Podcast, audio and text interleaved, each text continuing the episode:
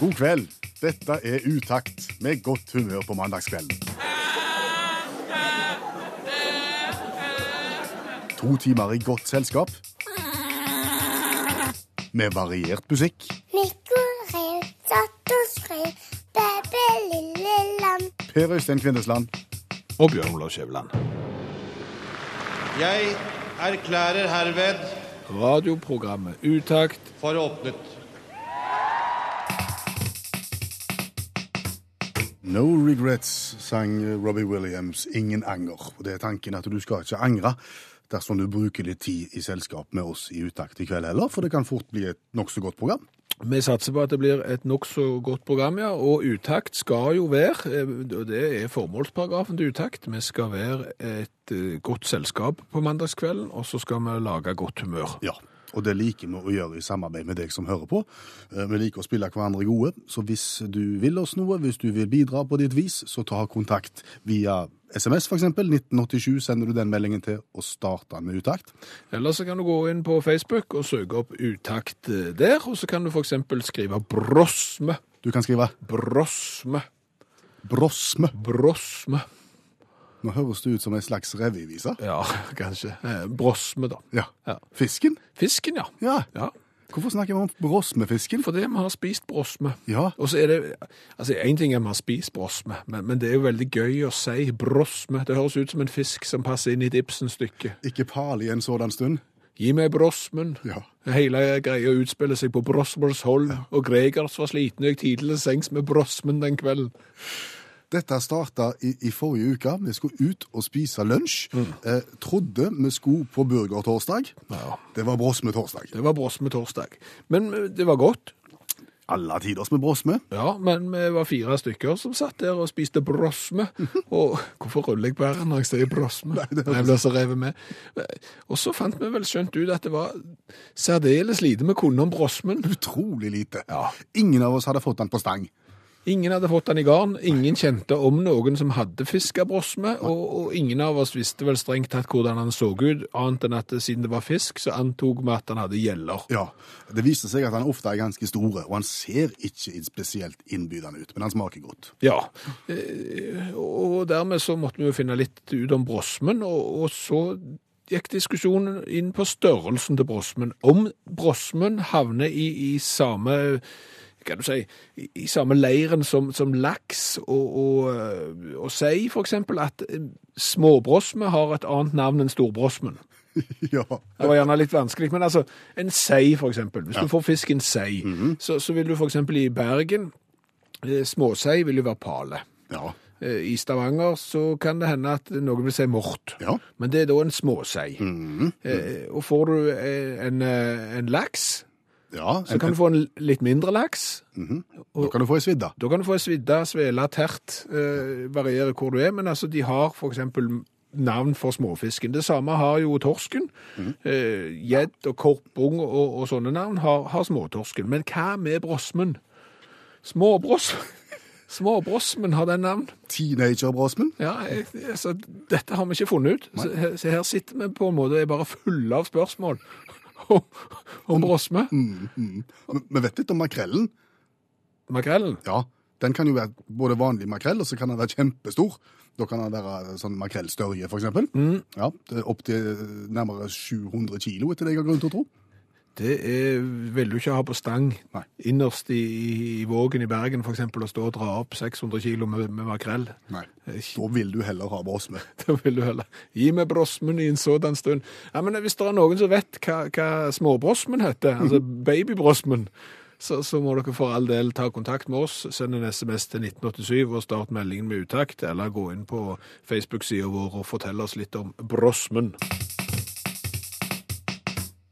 Mercedes er noe skikkelig tull. Mercedes er noe skikkelig tull. Nå skal du være forsiktig. Kanskje ikke alle Mercedeser er tull, men noen Mercedeser er skikkelig tull. Du har ikke Mercedes. Nei. Eh, ikke, det, det er ikke det at hele bilen nødvendigvis er mye, altså var for så vidt en veldig bra bil, men, men deler av Noen Mercedeser. deler av noen Mercedeser, iallfall den jeg kjørte her i forrige uke, det var noe tull. Akkurat. Forstår jeg det dit hen at du har måttet låne deg en Mercedes fordi at den store lommelykta di måtte på service? Ja, lommelykta mi var på service, og, og, og dermed så fikk jeg en lånebil, og det var en Mercedes. Og altså, god seter igjen, det var tre, sånn, varmen var jo der, tretrinns varme i setet var det på han. Slapp å lade, gjorde du òg. Det var ikke så verst egentlig, men det som var, og det, det var så irriterende, det var at det, når jeg skulle låse bilen, så hadde han jo en sånn nøkkel som er fjærkontroll, Ja. og så trykte jeg på hengelåsen, Ja. og så, Så tuta han. så tuta bilen, ja. Og det er sjarmerende nøyaktig én gang. Altså, du tar fram den her lille fjernkontrollen som du har i lomma di, Ja. velger å låse bilen, trykker på låseknappen, og så kommer den. Ja. Det er tosje. Ja, det er så. Og, og, og jeg måtte tenke meg om. Hva har de tenkt? Hva har tyskerne tenkt her? Så tenkte jeg at de hadde tenkt at de hadde tenkt at det kunne sikkert være lurt å vite at når du har låst bilen, så har jeg låst bilen. Altså at du kan høre at du har låst bilen. Det var låst. Der var låst. Eh, Men det er, men, men det er jo ikke bra. Altså, jeg Så kommer du hjem litt seinere enn du har sagt at du skal komme hjem. sant? Du setter den i fri og renner inn i Ja, garasjen. Ja, om ikke så gale, men, men i hvert fall, sant? Så tenker du at du må jo låse bilen, og så låser du bilen, og så er det jo dyrt, dyrt, sant? Og, og så vet jo alle at du kommer senere hjem enn du eksempel skal. Så hender det jo også at eh, når du jobber i radiokabinettet, at du eh, jobber på litt ugunstige tider, så kommer du gjerne hjem alt for tidlig på morgenkvisten, sant? Du kan ikke sette bilen ulåst, så du må låse den. Der var igjen. Kjempekjekt for naboene, de sover med vinduet åpent, og der kommer du hjem og låser bilen. Så hva har de tenkt? Nei, altså jeg vet jo at andre bilmerker har tenkt at det holder med et par små blink, eksempel i, i blinklysa, som et signal om at nå har du låst. Og visuelt sett så bør jo det holde.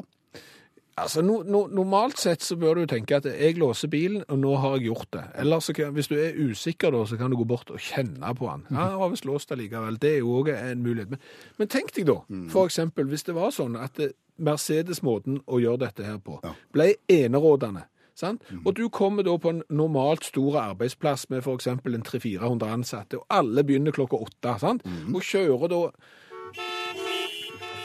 Inn På parkeringsplassen. Du har jo ikke lyst til å være nabo til den arbeidsplassen der.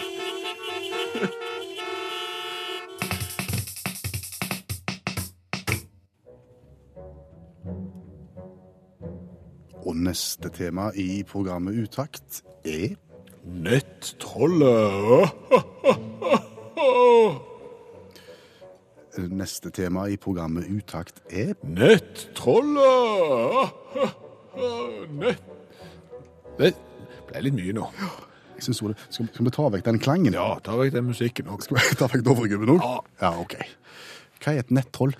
Et nettroll det er en som eh, kommenterer på sosiale medier og på internett saker som ligger ute der. Jeg ser for meg at de gjerne sitter i kjelleren, beskytta beskyttet av en pose med chips og litt cola, og, og, og da skriver de stygge ting om folk, eh, truer med drap og, og brenning og kastrering og det som verre er. Og nå skal Nå kan uh, disse nettrollene risikere å få politiet hjem på døra. Det leser vi på internettet i dag. Politiet i Indre Salten tar ingen sjanser. Leser de om trusler på sosiale medier, så kan de rett og slett dra på hjemmebesøk til nettrollene og snakke med. Snakke alvor med folk. Ja, Og det er nytt i dag. Og vi, vi satt og tenkte litt på, på dette her med, med nettroll, og vi ble inspirerte. Ja, vi ble det. Vi ble eventyrlig inspirert. Askeladden som kappblogget med nettrollet. Det var en gang en blogger som hadde tre sønner. Per, Pål og Espen Askeladd. Han var i små kår, med gammel datamaskin og treg internettlinje. Og sønner som ikke ville publisere noe på verdensveven. Faren hadde en egen godt besøkt blogg der han skrev om menneskeverd, og den ville faren gjerne at guttene skulle skrive i. Langt om lenge fikk han dem også på det travet, og den eldste skulle ut og skrive først. Da han var kommet i gang med nettpubliseringen, kom det et stort, digert nettroll til ham. Dersom du skriver positivt om innvandrere og muslimer, skal jeg drepe deg, sa nettrollet. Da gutten hørte det, kastet han tastatur og mus, logget seg av nettet og låste kontoret. Han kom rent andpusten inn og fortalte det som hadde hendt han, men faren sa han var et harehjerte. Nettrollene hadde aldri skremt ham fra å fortelle meningen sin noen gang. Dagen etter skulle den andre sønnen av sted, og da gikk det like ens. Da han vel hadde skrevet at de som flykter, flykter fra IS, så kom nettrollet til ham og sa, Dersom du skriver positivt om innvandrere og muslimer, skal jeg drepe deg.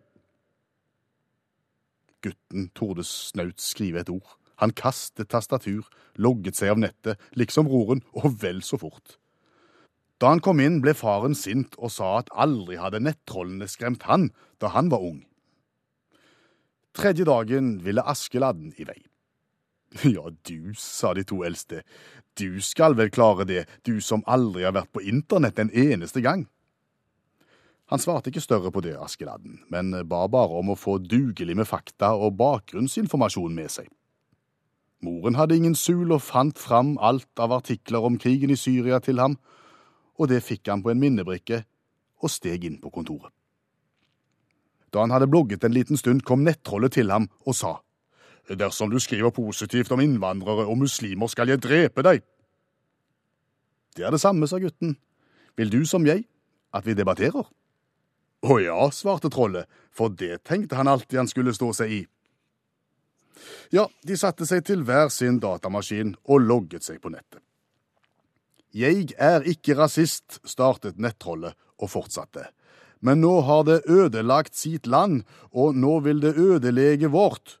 Norge for normen, skrev nettrollet. Askeladden skrev i kommentarfeltet at ordet nordmenn skrives med d og to n-er, og forklarte at komma skulle brukes før menn. Da fortsatte nettrollet. Du vil vel gjerne sove litt til, slik som han gjorde for forrige krig? Vi var bekymret når det var hundretusenvis av tyske soldater i Norge. Hundretusenvis av afghanere, eritreere og syrere er vel ikke noe å bekymre seg over? Askeladden skrev. Det å trekke paralleller mellom en okkuperende hærstyrke og emigranter virker litt rart. Nettrollet ble desperat. Han delte nå lenken til en seks år gammel nyhetssak om skyting i en amerikansk kirke. Askeladden kontra med at over 10 000 mennesker blir skutt og drept i USA hvert år, mens antall amerikanske borgere som blir drept i terrorangrep, aldri overstiger 75 i denne tiårsperioden. Nå skal du høre, skrev nettrollet. De voldtar konene våre, stjeler, kommer med sykdommer, snylter, dreper og sprenger seg selv i småbiter. Skal du tenne på et asylmottak, må du passe på at alle er inne før du fyrer opp. Plutselig ble rommet opplyst som om sola selv var i ferd med å komme inn. Det var politiet. Hva er strafferammen for rasistiske ytringer på internett, spurte Askeladden. Overtredelse av straffelovens paragraf 185 straffes med bøter eller fengsel inntil tre år dersom ytringen fremsettes offentlig, svarte politiet. Askeladden pekte på skjermen. Og snipp, snapp, snute, så var eventyret om nettrollet og Askeladden ute. Sander Sagosens ukjente skadedrama. Ta den en gang til. Sander Sagosens ukjente skadedrama. Hva er det du prøver å si? Jeg prøver å ta opp det med brudd. Det å brekke noe. Eh, La oss da eh, ile til og si at Sander Sagosen er da berømt norsk håndballspiller som var fryktelig flinke til å spille Ja. når Norge spilte i Europamesterskapet. Og hans ukjente skadedrama Han spilte de to siste kampene med brudd i skuddhånda. Ja, han gjorde det. Men er det skikkelig brudd? Er det det du prøver å, å påpeke? Ja, men altså, hvis jeg hadde vært La oss nå sette oss i bruddets sko her, hvis det er mulig. Hvis jeg hadde vært et beinbrudd eller et armbrudd, for eksempel, -hmm. og, og vært tvert av, vært skikkelig tverr og, og, og sånn, så, så hadde jeg jo ikke sett på et sånn et brudd som Sander Sagosen har, som et skikkelig brudd. Det, det, det, altså, hvis du kan spille håndballkamp med det, det er helt sikkert vondt, og, og det er gjerne per medisinsk definisjon et brudd, men, men det er jo ikke skikkelig brudd. At du vil si brist? Ja, så har du brudd i hånda, så skal jo hånda omtrent henge der. så- som et, som et, som et slips uten, uten liv og muskler i omtrent. sant? Det skal være kjempevondt. Ja, et, etter min forstand så skulle det vært gipsa. Ja. Og Da hadde du ikke fått lov å spille. Nei. Eh, eh, Så, så, der, eh, der etterlyser jeg bitte litt Altså, der er, der er mange brudd. Altså, jeg så leste òg her Annelise, 22, eh, som nå har gått ski-NM med ti tretthetsbrudd i ribbeina. Ti! Ti, ja. Altså, hvis du har ti brudd i kroppen, så skal du ikke kunne gå noen plass. Du skal ligge på divanen med pledd og, og, og ja, du skal spise all maten som skal spises med sugerør, og du skal så vidt få lov å se på TV hvis du har ti brudd. Hva er forskjellen på et brudd og et rettighetsbrudd? Jeg vet ikke, jeg tror tretthetsbrudd er når du er litt lei av brudd. Du har hatt så mange brudd at nå jeg, vet ikke, nå er jeg rett og slett litt trøtt og lei av det. Så har du litt sånn mindre brudd. Er det det samme som Martin Jonsrud Sundby pådro seg? Ja, han har òg hatt tretthetsbrudd i, i ribbeinet på venstre side, og han òg gikk jo på ski. Sånn at jeg, jeg mener, hvis du skal Ja, det, du, du skjønner, du, du er litt enig òg. Altså, skal du brekke noe, så, så brekk det skikkelig, på en måte. Altså, jeg, bare, jeg, jeg forholder meg til legene, jeg, som da er en del av det medisinske apparatet til både landgrensfolk og håndballfolk, og de sier brudd. Og da tror Ja, altså- jo jeg at det er brudd. Ja. Jeg har jo sjøl spilt håndballkamp i voksen alder og, og knakk lillefingeren min. Det var jo da per definisjon et brudd. Ja. Sant? Det var jo sånn at jeg måtte på sykehuset, jeg måtte i narkose, jeg måtte operere fingeren, for hvis ikke så sa de hvis ikke du opererer fingeren, så kan du ikke bøye den etterpå. Siden har jeg ikke kunnet bøye den. Nei. Vi snakket tidligere i programmet om Brosmen. Ja, vi etterlyste om det er et annet navn for eh, småbrosme. Eh, altså eksempel småmakrell blir jo da gjerne kalt pir. Og i anledning det så har jeg fått en dagsaktuell gåte fra en som kaller seg for Akke. Eh, hva er ruset småmakrell? Hva er ruset småmakrell? Ja. Og Med utgangspunkt da i at eh, småmakrell er pir. Ja. Da må du slutte på pir. ja. Og hva er du hvis du er rusa? Dopa. Ja. Dopapir. Da er du, rett og slett dopapir. Ikke torsken, det.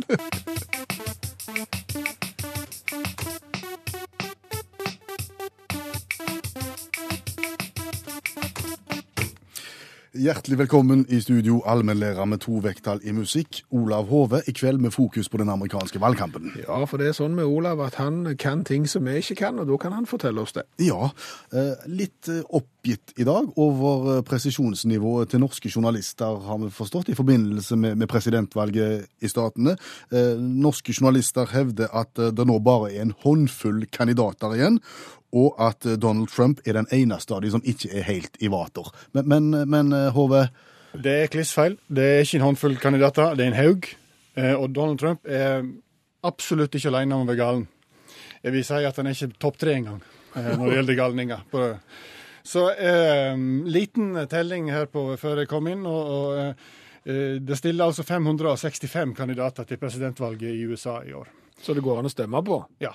Eh, 1. januar så var det 768, men det var en del som trekte seg da i siste liten. Men det, nå er det 565. Eh, 148 av de er demokrater, 179 er republikanere, og resten er røvere. Stort sett. Og en haug med partier. Miljø og sosialist, og det er fridom, og det er forbudsparti, og det er hofteparti, og i det hele tatt det er en haug med det. og og, og vi, Knox Richardson, som da er partileder i Hell of a Party, som, er, som Helvetespartiet, han, han One hell of a party. ja, han, han sier at flere og flere amerikanere har oppdaga at eh, her har du mulighet med å stille til president, og, og du kan få uttrykke deg sjøl, du kan få oppmerksomhet, og du kan, få, du kan bety noe i hverdagen. Og han, så han sier det er veldig mange amerikanere som har noe å si, men, men dessverre så er det veldig mange av de som har noe å si, som ikke er helt sikre på hva det er de har å si. Men så er du kritiske til at eh, norske medier kaller Donald Trump for eh, gal, for du mener det er mange som er vel så gal. Ja, det er, altså, det er en fargerik liste, kan jeg love dere. Eh, Og, og jeg vet ikke om dette her bare gir et fascinerende innblikk i den bredden i amerikansk politikk, eller om det gir et skremmende innblikk i den mentale helsetilstanden over, over there. Men eh, vi kan jo gi, eh, vi kan jo gi hederlig omtale til Skip Andrews den tredje, som stiller opp for republika, republikanske partiet. Han eh, har fokusert på én ting, og det er at prevensjon er synd. Det er det han er for. Han mener at vi skal ikke bruke prevensjon, og det, det gjør han med, mens han blir omflakka av sine elleve barn. Altså Skip Andrews den tredje. Skip Andrews den tredje. Er det en andre og den første? Ja, det vet du. Det er faktisk 11-12 stykker fra for- forfedrene mente akkurat det samme. Men, men skal jeg liksom trekke fram en av de store, da, så er det jo Vermin Supreme som stiller igjen. Um, si. Han har jo stilt før. Han har stilt for republikanske partiet før, nå er han demokrat. Uh, han sier at han er egentlig anarkist. Eh, så, så han, for han er ikke det viktig hvilket parti han stiller for, men akkurat i år så er han demokrat. Jeg er fra Boston, såkalt eh, performance-artist. Eh, har jo brukt de forrige presidentvalget til å promotere at, at dentalhygiene, altså tannhygiene, skal være frivillig. Nå har han sikkert oppdaga at det er det jo, så da trenger ikke han å promotere det. Så, så nå har han eh, nå har han eh, ei kampsak. eh, og så, Sånn sett er han enkel å forholde seg til. Han har ei kampsak og ferdig med det. Og det er hvis han blir valgt, så skal alle amerikanere få ponni. For det er visst bra For folk. for folk. Hvis, de, hvis de får ponni, skjønner du, så vil sannsynligvis, sier Vermin Supreme, flere gå over til kan du si, ja, ri, ri til jobb da, og slike ting. Men jeg, Ja, så, så det er bra for miljøet? Er det det? Bra for miljøet. Ja, deriblant. Ja. jeg, jeg bare tenker, én ting er hvis du bor langt ute på landsbygda, så kan Ja. det være greit kanskje å ha ponni for kjekt. Ja, Men ja. for eksempel, det finnes jo storbyer i USA. Jeg Ja, ja, nevner ja, ja. New York og, og Chicago og andre. Ja, da er en litt på stallgreier, liksom. og Ja, du- at- litt upraktisk på Ja. T-baner og, og alt. Jo, men det er mer for en slags ponniøkonomi, slik at du kan ha bytta liksom at jeg skal ha to pølser to brød. Vil du ha litt av mannen, for eksempel. Slike ting er han opptatt av. 325 artikler i amerikansk presse fant jeg om Vermin Supreme. Eh, han er òg for støtte av tidsreiseforskning. Og han er på alle valgkampmøtene sine så har han en gummistøvel på hodet og har fått en del kritikk for det, at det kan virke useriøst. Men som Vermin Supreme sier, det er tross alt langt bedre med en gummistøvel på hodet enn denne kveilen som Donald Trump, har rundt skolten. Ponni får jo thought. Takk i denne omgang, allmennlærer med to vekttall i musikk. Ola Hove, finnes det bilder og film av mannen med gummistøvler? Overalt, men vi har lagt ut en lenke på YouTube av mannen med støvel på hodet og et anstendig skjegg som forteller om sitt presidentkandidatur. Så gå inn på Facebook-sida til Utakt. Tønes fikk Spellemannpris for plata som denne sangen var henta fra Dråpa i sjøen. Og jeg må si, når jeg satt og så på Tønes på TV, han holdt en forbilledlig takketale da han fikk prisen. Ja, han takket vel kona, og så var det takk for i dag. Ja. Kort, fyndig, ned av scenen, takk for nå. Flere burde ha lært av Tønes. For, for jeg mener, la du merke til at hvor mange av de som kom opp, som begynner talen sin med å si vet du, jeg hadde ikke regnet med at jeg skulle vinne, så jeg har ikke forberedt noe som helst. Nei. Hallo! Hallo! De er én av fire-fem mulige kandidater ofte. Det er en relativt stor sjanse for at det blir deg. Du Ja. bør ha tenkt en tanke. Er du nominert, eh, så, så kan du risikere at du faktisk vinner en pris, og da er det lurt å forberede seg. Det er litt som at du vet at du kan komme opp i muntlig, sant? Da, da er du litt forberedt på forhånd. Ja, du du møter ikke der med helt totalt blanke ark. Nei, det gjør du ikke. Eventuelt så kan du la være. Du kan ikke la være å takke. Selvfølgelig kan du la være å takke. Altså, selvfølgelig kan du la være å holde en tale. fordi at det, Hvis du tenker deg om, hvor mange Spellemannspris-sendinger tror du du har sett? 42. Ja. Hvor mange ganger på de 42 årene der syns du at det, å, det var kjempekjekt å høre den takketalen? Sjeldent. Det sier du bare for å være grei. Aldri. Aldri, ja. Aldri. Det er aldri kjekt. Takketalene er kjempekjedelige, og det er så. de som gjør at programmet blir to og en halv time for langt. Ja, det gjør det. Ja. Så- Så, så- mitt forslag er gå opp, si tusen takk for prisen, og ned med oss. Det er litt stusslig, det òg. På hvilken måte? Altså, når du bare sier takk, Mhm. så er det enten så fremstår du som litt bråkjekke og litt for kule og har litt for store hettegenser i forhold til liksom eh, hva du burde hatt, eller så fremstår du litt sånn Hæ, har han ingen å takke? Har vedkommende ingen å takke? Det det er litt trist. Ok, Så, så for langt er gale, og for kort er gale. Da, da sliter vi. Ja, egentlig. Det, har vi ja. det jeg kunne tenkt meg, det, det var jo det at du på, sto klar i salen og bare ga prisen. Der de satt, for de sitter jo på sånne bord, sant? og de vet jo hvem som vinner. Sant? Det der med å åpne konvolutten er jo bare tull, fordi at eh, Kygo kunne jo vinne, og han var i USA, og det var ikke direkte, sant? de bare ga han prisen i opptak, så noen har jo røpt det. Sant? Så de, du vet jo bare hvor han er, og nå vinner han, bort med prisen. Og Så stimer du rett bort til vinneren, ja. Ja, så gir du han prisen, og så går du videre. Ingen takk. Ingen takk. Håndhilsing. Liten klem. En, li, en liten kos. Men, Skal vi ta- tolerere. herre, men det hadde vært kjempebra. Programmet hadde jo blitt to timer kortere og vel så bra. Det er noe å ta med seg.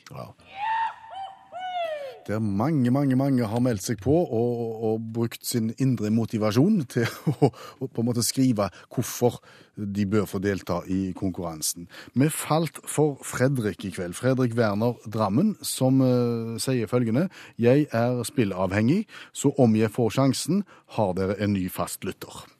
Ja, Kunne, det passer veldig godt, det. kunne ikke motstå den, Fredrik. Hei. Hallo, Så det betyr at det er første gang du hører konkurransen i utakt. Det stemmer. Og, og uansett hvordan dette går, så er du hekta nå? Ja, men jeg hekta, ja. Ja. Jeg kjenner allerede nå at pulsen stiger nå, altså. Der har vi det. der har vi det. Skal vi gå kjapt gjennom reglementet for konkurransen? Det gjør vi. Jeg har ni spørrebøker foran meg. Fredrik velger et nummer fra én til ni og får et vilkårlig spørsmål. Svarer han rett, så skal han få et gladjodling. Blir det feil, så blir det tristjodling. Men uansett så skal det ei T-skjorte med V-hals av gårde til Drammen. Opplegget forstått, Fredrik? Det er forstått. Godt. Da skal du få begynne med å velge spørrebok 1 til 9. Da tar jeg sju. Sju. Helt ute på høyre flanke finnes den røde quiz-giganten med 3000 spørsmål og svar, og der er det hele 407 sider, og du velger en av de. Da velger jeg side 69. Da er vi inne på tematikken Ja, det var langt å bla det der. Det er underholdningsmiks. akkurat. Det passer meg bra. Ja, det er godt. 15 spørsmål å velge i. Hvilket skal jeg ta? Du tar nummer 15. du.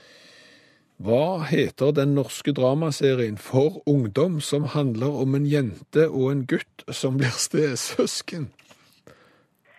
Uh, hva fader? Sier bare Eva Adam, jeg. Ja, Oi, hva sier, hva sier dommeren? eh, han sier Jonny og Johanna. Ja. Jeg har ikke hørt om sjøl engang. Den her kom ut i 2011. Ja, ja. Han har gått ved to, da. Ja. Du, du har ikke sett serien om Jonny og Johanna du heller, Fredrik? Nei, det jeg må skuffe deg der igjen, altså. Men hva gjør Fredrik eh, når han ikke er med og deltar i Uttak sin spørrekonkurranse? Nei, da sitter han eh, nede med sin eh, morfar og sitter og drikker en øl. Det høres jo koselig ut, det. Ja, det er ålreit, det. Og morfar liker utakt, han òg? Ja, han hører på hver, eh, hver, hver, det er hver mandag. Eh, Mor, alle morfarer skal du høre på, Fredrik. Morfarer har mye vist å si. Ja, det jeg vet det. Da er det åtte spørrebøker igjen. Hvilken skal vi ta? Ta nummer eh, to, du. To. Da havner vi på min første spørrebok, som er for små barn. Der er det stor skrift, få spørsmål og få sider. Så der må du velge blant 29 sider. Da tar jeg eh, 15. Og så blar vi opp der, og der er det jo bare to spørsmål der. Ja, da blir det én, da. Ja. Hva lå prinsessen på som gjorde vondt? Det var ikke det erten, da. Det var, det var veldig bra, det. Bra, Fredrik. Den satt. Ja. Nå er du i flytsonen. Ja, da er det sju spørrebøker igjen å velge i. Da går vi for femmeren, da. Femmen er spørrebok for leseglade damer. Det passer meg altså enda bedre. Er du glad i å lese, selv om du ikke er dame? Ja, sånn damebøker, ja, det er jeg glad i. Det er du glad i. Da er det 144 sider å velge i. Da tar jeg 144. Da er vi på helt siste, og det er fiolett rom.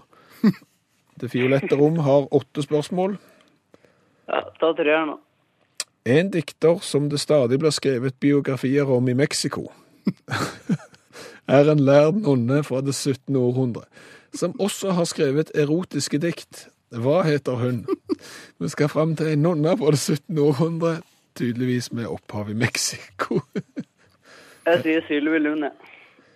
Det var nok, dessverre. Oi. Nei, nei, nei. Sor Juana Inés de la Cruz, som levde fra Ja, det var på 16 tunga. Ja, du, var, du var inne på den. 1651 til 1695. Jeg tror morfar har lest mye av hun. Ja, det skal du ikke se bort ifra. Alle de erotiske diktene kan han, utenat og på Ja. rams. Sitter stille her nå, så det stemmer nok det. Fikk en kledelig rød farge i ansiktet. Men det Ja, det er, nok ja, jeg sier det, det som jeg sier, her skal alle gå ut som vinnere uansett, Fredrik Werner. Så Utakts i T-skjorta med V-hals er, er straks på vei i retning Drammen. Det er han, og, og den kan du kle på deg når du skal ned i sentrum og så se på sprint nå til uka, skal du ikke det? Sprintlangrenn. Fy fader, du er oppdatert. Ja, Det er deilig å høre. Jo, jeg skal på stafett, og da skal jeg ha på meg eh, uttakt-T-skjorta. da skal vi se på TV om vi kan, Ja, da ser vi på TV om vi kan se en i svart utakt-T-skjorte som står og heier. Ja, ja, men da ser du meg. Hil-. Hils morfar Fredrik, og takk for i kveld. Det skal jeg gjøre. Er polsk cola god, Skjæveland? Har ikke peiling, men det skal vi finne ut av ganske snart, fordi vi er kommet fram til uttakts coladugnad. Ja, den fungerer på følgende måte. Eh, Du som hører på Utakt, sender oss colavarianter fra hele verden, og vi ante ikke at det fantes så mange. Det finnes en jungel der ute. Vi smaker på den, eh, gir karakter, og, og lærer deg opp til hvor i verden du bør velge hva. Ja, for det er jo sånn, for eksempel, skal du til Tyskland, så er det jo lurt å vite om du skal drikke Filanker-cola, eksempel, og da er svaret ja, mens reiser du til Sør-Korea, så skal du drikke McCool. Svaret på det er nei. Et rungende nei, faktisk. Ja, vi har smakt på over 50 forskjellige colaer fra alle verdenshjørner, og vi kan guide deg veldig godt. Ja, og vi kan jo bare se allerede nå at på vår Facebook-side så ligger det en oversikt over alle de vi har vært igjennom, og, rangeringen de imellom. Og i dag så tar vi altså fatt på en polsk venn som bærer navnet Nata-cola. ikke Nato. Nei, Nata-cola, vi har fått den fra Anja, som har vært på tur. Og, og bakgrunnen for Nata-colaen er Hele Nata-eventyret startet jo i 1956, når Leon Sabrski grunnla et eh, selskap som engasjerte seg i produksjon av plast. Okay. De eh, produserte 500 kammer før de gikk over til å produsere sånne flip-flops-sko i plast. Og så, i 1992, etter sterk plasterfaring, så begynte de med brus og vann på flaske. Hørtes jo ikke spesielt lovende ut, Nei, tenker jeg. men jeg tror de har eh, hatt et veldig løft, for i denne perioden så har de, etter det jeg har klart å tolke når jeg har oversatt polsk ved hjelp av Google-oversetter, funnet at de er såpass gode at de eh, tapper, har tapt for Pepsi og nå tapper for Coca-Cola. Så de er på en måte litt hoffleverandør der, da. Nata-cola, altså. Nata-cola. Går det an å si noe om designet på flaska? Ja, Nata-cola-flaska. det er bare så vidt, for det er helt Det er manglende. Ja, altså, tenker du husholdningssaft, så har du den, Ja, tenker jeg. rett og slett. En halv liter plastikkflaske der ingen har tenkt på at design er viktig i det hele tatt. Nei. Da er det jo spennende da, å kjenne på smaken av Nata-cola. Det kan jo hende at de har tenkt at vi kan ikke bruke så mye tid og krefter på utseendet, det er innholdet som er viktig. Ja, sånn er det jo ofte. Det er det indre som teller. Ja. Vi gjør som vi pleier. Vi smaker først og gir karakter fra 1 til 10. Vær så god. Tusen takk. Klar, ferdig.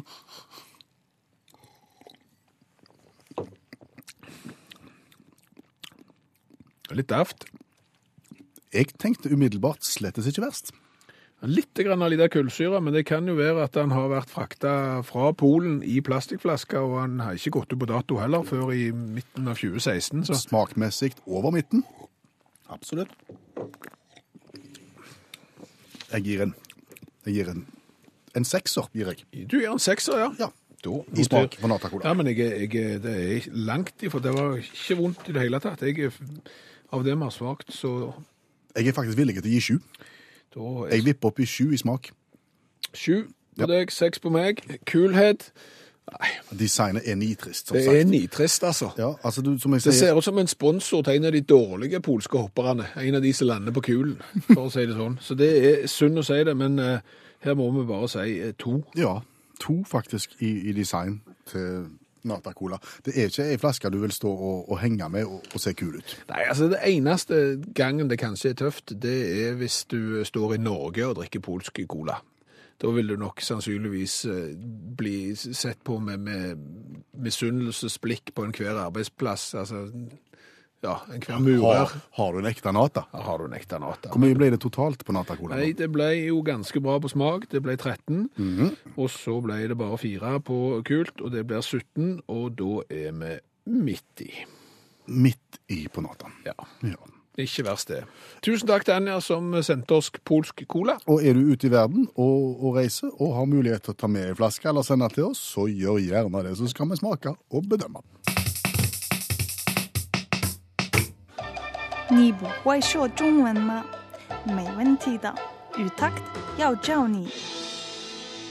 Kan du ikke kinesisk? Ingen problem. Utakt vil lære deg. Det var akkurat det Kjersti sa på vignetten her, bare at hun sa det på kinesisk. God kveld, Kjersti. Ni hao. Wan shang hao. Kinesisk er tema i utakt, også ja. i kveld. Det er det, og det er fordi at kineserne har en egen evne til å sette sammen ord og uttrykk som vi kanskje kan lære noe av. Og dagens ord eller uttrykk vi skal se nærmere på, Kjersti, er Da jiangyo. Kan du gjenta det? Da jiangyo. Ja. Da jiangyo heta changyo. Og det betyr da eh, å skaffe soyasaus. Å skaffe soyasaus. Så da, yangyo er jo egentlig da bare handlelista, ja. eller i kortøy. Kunne vært, men det har jo òg selvfølgelig en annen betydning. Det, det ser så stilig med kineserne. Det ser enkelt ut på overflaten, men så er det en mye dypere mening bak. Ja, Så hvis jeg setter dette inn i en setning og sier da, da, så betyr det jeg er bare ute og skaffer soyasaus eller det har ikke noe med meg å gjøre. Jeg er oh. minding my own business, rett og slett. Går og passer på mine egne ting, ja, og Jeg er bare ute og kjøper soyasaus. Akkurat. Men det, og det som er historien bak dette her, eh, for det andre uttrykk, og da må vi flere tusen år tilbake, gjerne for å finne hva var opprinnelsen. Men dette er henta fra et TV-intervju som ble gjort i eh, Guangzhou der en eh, mann ble stoppet på gata og spurt om eh, hva han eh, mente om en sånn sexskandale som da var ganske stor i Kina. Og da svarte han Guan wo diao shi, wo chu lai dao jiang yoda. Og det betyr eh, Hva har det med meg å gjøre? Jeg er bare ute og kjøper soyasaus. Tusen takk skal du ha, Kjersti Hetland. Så hvis du nå ble spurt på gata for eksempel, Skjæveland, om eh, hvordan eh, verden skal komme seg ut av den økonomiske krisen den befinner seg i, hva vil du svare? Da vil jeg si jeg er glad for å bli spurt, men jeg er bare ute og kjøper soyasaus. Ja. Eventuelt så ville du sagt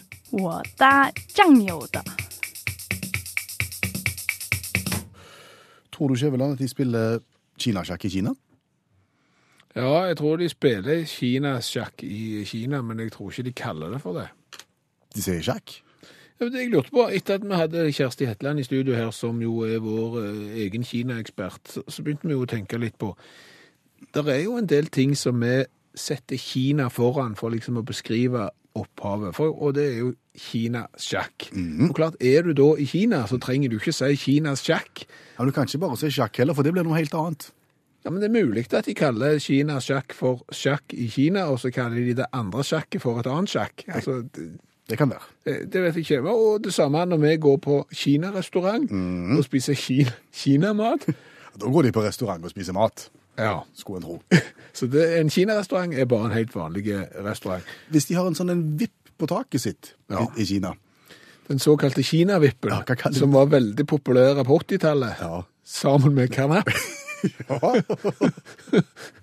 Den heter nok bare vipp der. Gjør nok det. Opp Ja. på vippen, sier de. Ja, ja. Ja. Og, og det samme med, med kinakålet, det er nok bare kål. Er det.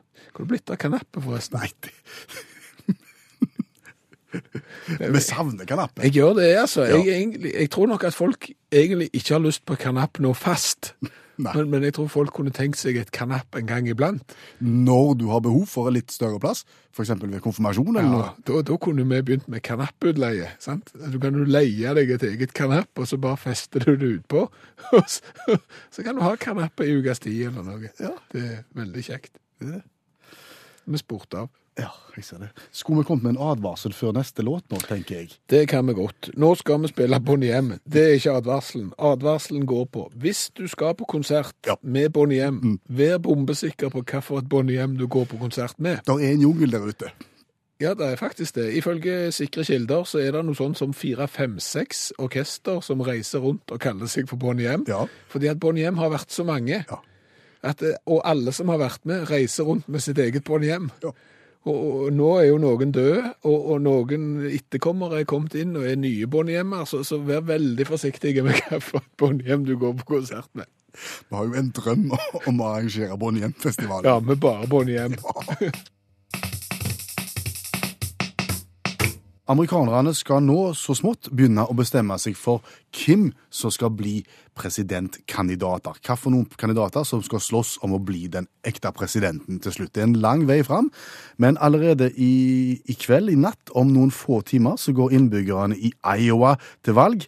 Eh, på republikansk side så er det fremdeles Donald Trump som eh, topper meningsmålingene. Det blir spennende å se hvordan det valget der går i, i kveld, skråstrek natt, og hvordan det ender til slutt. Men eh, norske journalister og hva skal vi si, politiske journalister fra hele verden er jo overgitt over hvor godt det har gått med Donald Trump så langt. De sier han er gal.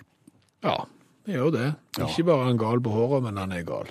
Eh, vår faste mandagsgjest, allmennlærer med to vekttall i musikk, Olav Hove, er også opptatt av eh, Donald Trump, og hevder at han er ikke den eneste som ikke er helt i vater.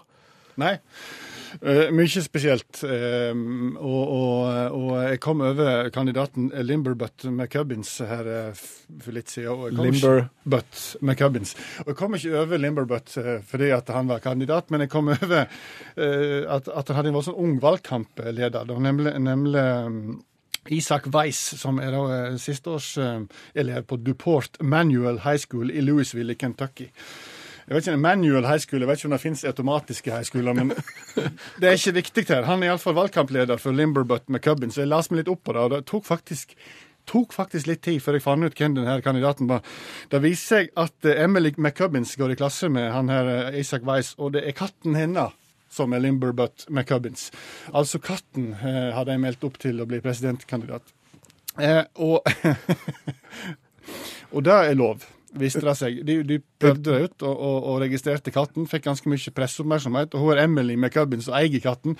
Hun angra på hele skiten, for det er folk som ringer liksom og vi tilbyr liksom tjenester. Og, og en andre advokater som ringer og vil representere, og så er det en del som klager på at de lurer på om han ikke er amerikansk statsborger, fordi at de tror at Limberbutt er et irsk navn, og dermed så er ikke han eh, kandidat. Eh, ha slagordet 'Mjau is the time for changes'. Eh, og har jo liten politisk bakgrunn, eh, Limber Butt, men, men har stilt opp i noen debatter.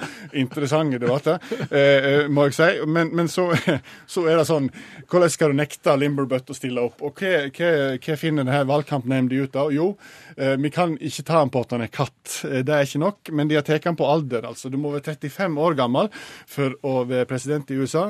Limberbutt er fem, og dermed er han da diskvalifisert. Nå har da Isaac han har fått tak i advokat og sagt at eh, han er 35 katteår. Mm. Så dermed så, så er den saken eh, uoppklart. Han skal ikke stille opp nå i kveld uansett, Limberbutt, men når du kommer til New England-statene, så skal han stille opp. En så stiller opp i kveld er Donald Z. Sotter. Han er, han er en uavhengig kandidat, og han har gjort det godt i, i, i OVA. Han er da en UNN-arkist. En Unn? Unarkist. Hva gjør han da? Nei, jeg vet ikke, jeg. Han vet det ikke sjøl heller, men han skriver det på nettsida si. Han har ikke helt forklart det, hva det er for noe. da. Og Han vil ikke være anarkist. For, for. Nei, men han er unarkist. Men han forklarer det ikke. Skri, men eneste han skriver, at han har funnet på ordet sjøl.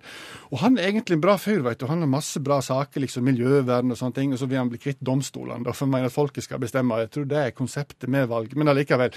Han har en del gode saker, da. Så han ser egentlig fin ut. Eh, ser ut som en streite fyr, har slips og oppfører seg greit. Men så er problemet da at i tillegg til at han har denne valgkampsida si, så har han slengt på en del ting, da, annet detaljerte regler for Scrabble. Eh, en del, en del, eh, en del om, om strategier for å vinne Scrabble.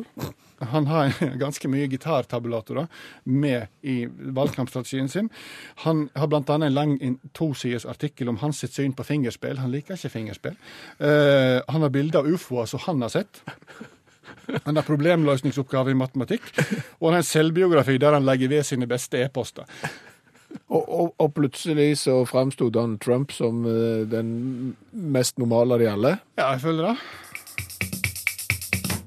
Overskrift for neste tema i programmet Uttak Skjæveland. Det er skøyteløp for venstrehendte. Du sa Skøyteløp for venstrehendte. hva har hendene å gjøre med skøyteløp? Du går på beina.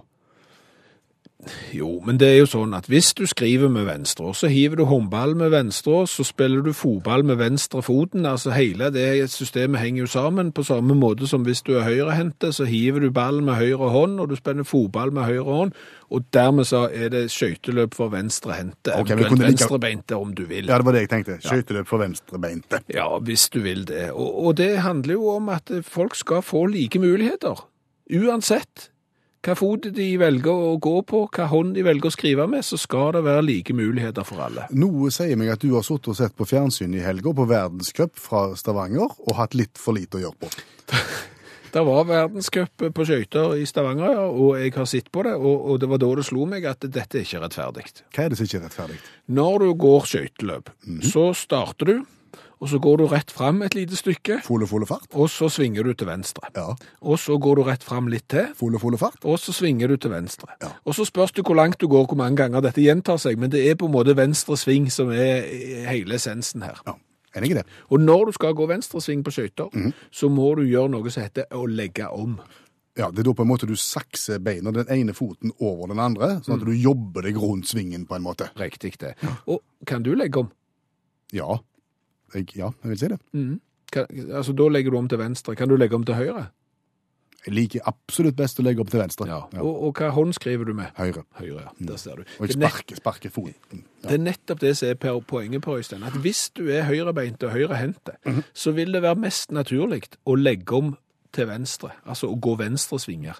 Og det er klart, er du da skeivhendte, det heter vel ikke skeivhendte, er du venstrehendte og venstrebeinte, så vil det være unaturlig å legge best om til venstre. Det vil være mest naturlig å legge om til høyre. Og dermed så er alle par i skøyteløp, de passer ikke for deg, fordi at du tilfeldigvis skriver med den hånda som det ikke er vanlig å skrive med. Ser du det? Det er ikke rettferdig. Jeg ser det. Nei. Eh, ser du for deg egne par av venstrebeinte? Ja, dette er veldig enkelt, altså. Det er bare å ta en håndsopprekning, og de som rekker opp venstre hånd, nei da. Altså, de som sier at jeg er venstrehendte, de får da gå i egne par. Og de går motsatt vei? De går motsatt vei. sant? Banen ligger der. Det betyr jo ingenting om du starter den ene eller den andre veien. Du går jo like langt uansett. Ja, men Det må jo bli et slags cupsystem, dette her, som at du til slutt kan risikere at, du, at en venstrebeinte Nei, møter en altså, det er høyrebeinte. jo ikke, det er jo ikke noe cupsystem nå. Det, det, de trekker to par, og det er klart at du, du må være sikker på hvilken vei du skal gå. For du må jo ikke ta en trygg legning. Ja, du må ikke ta en som er høyrebeint og en som er venstrebeint i, I samme, par? par. Nei, det ble... Hvis du, hvis du trodde det var kluss på vekslingssida med to mann som gikk samme veien, så blir det iallfall det hvis de går motsatt vei. Men, men, men det er enkelt. Det er så, så enkelt, så dette må bare det internasjonale skøyteforbundet ta ad notam. Egne par for de som er venstrehendte. Hør flere podkaster på nrk.no podkast.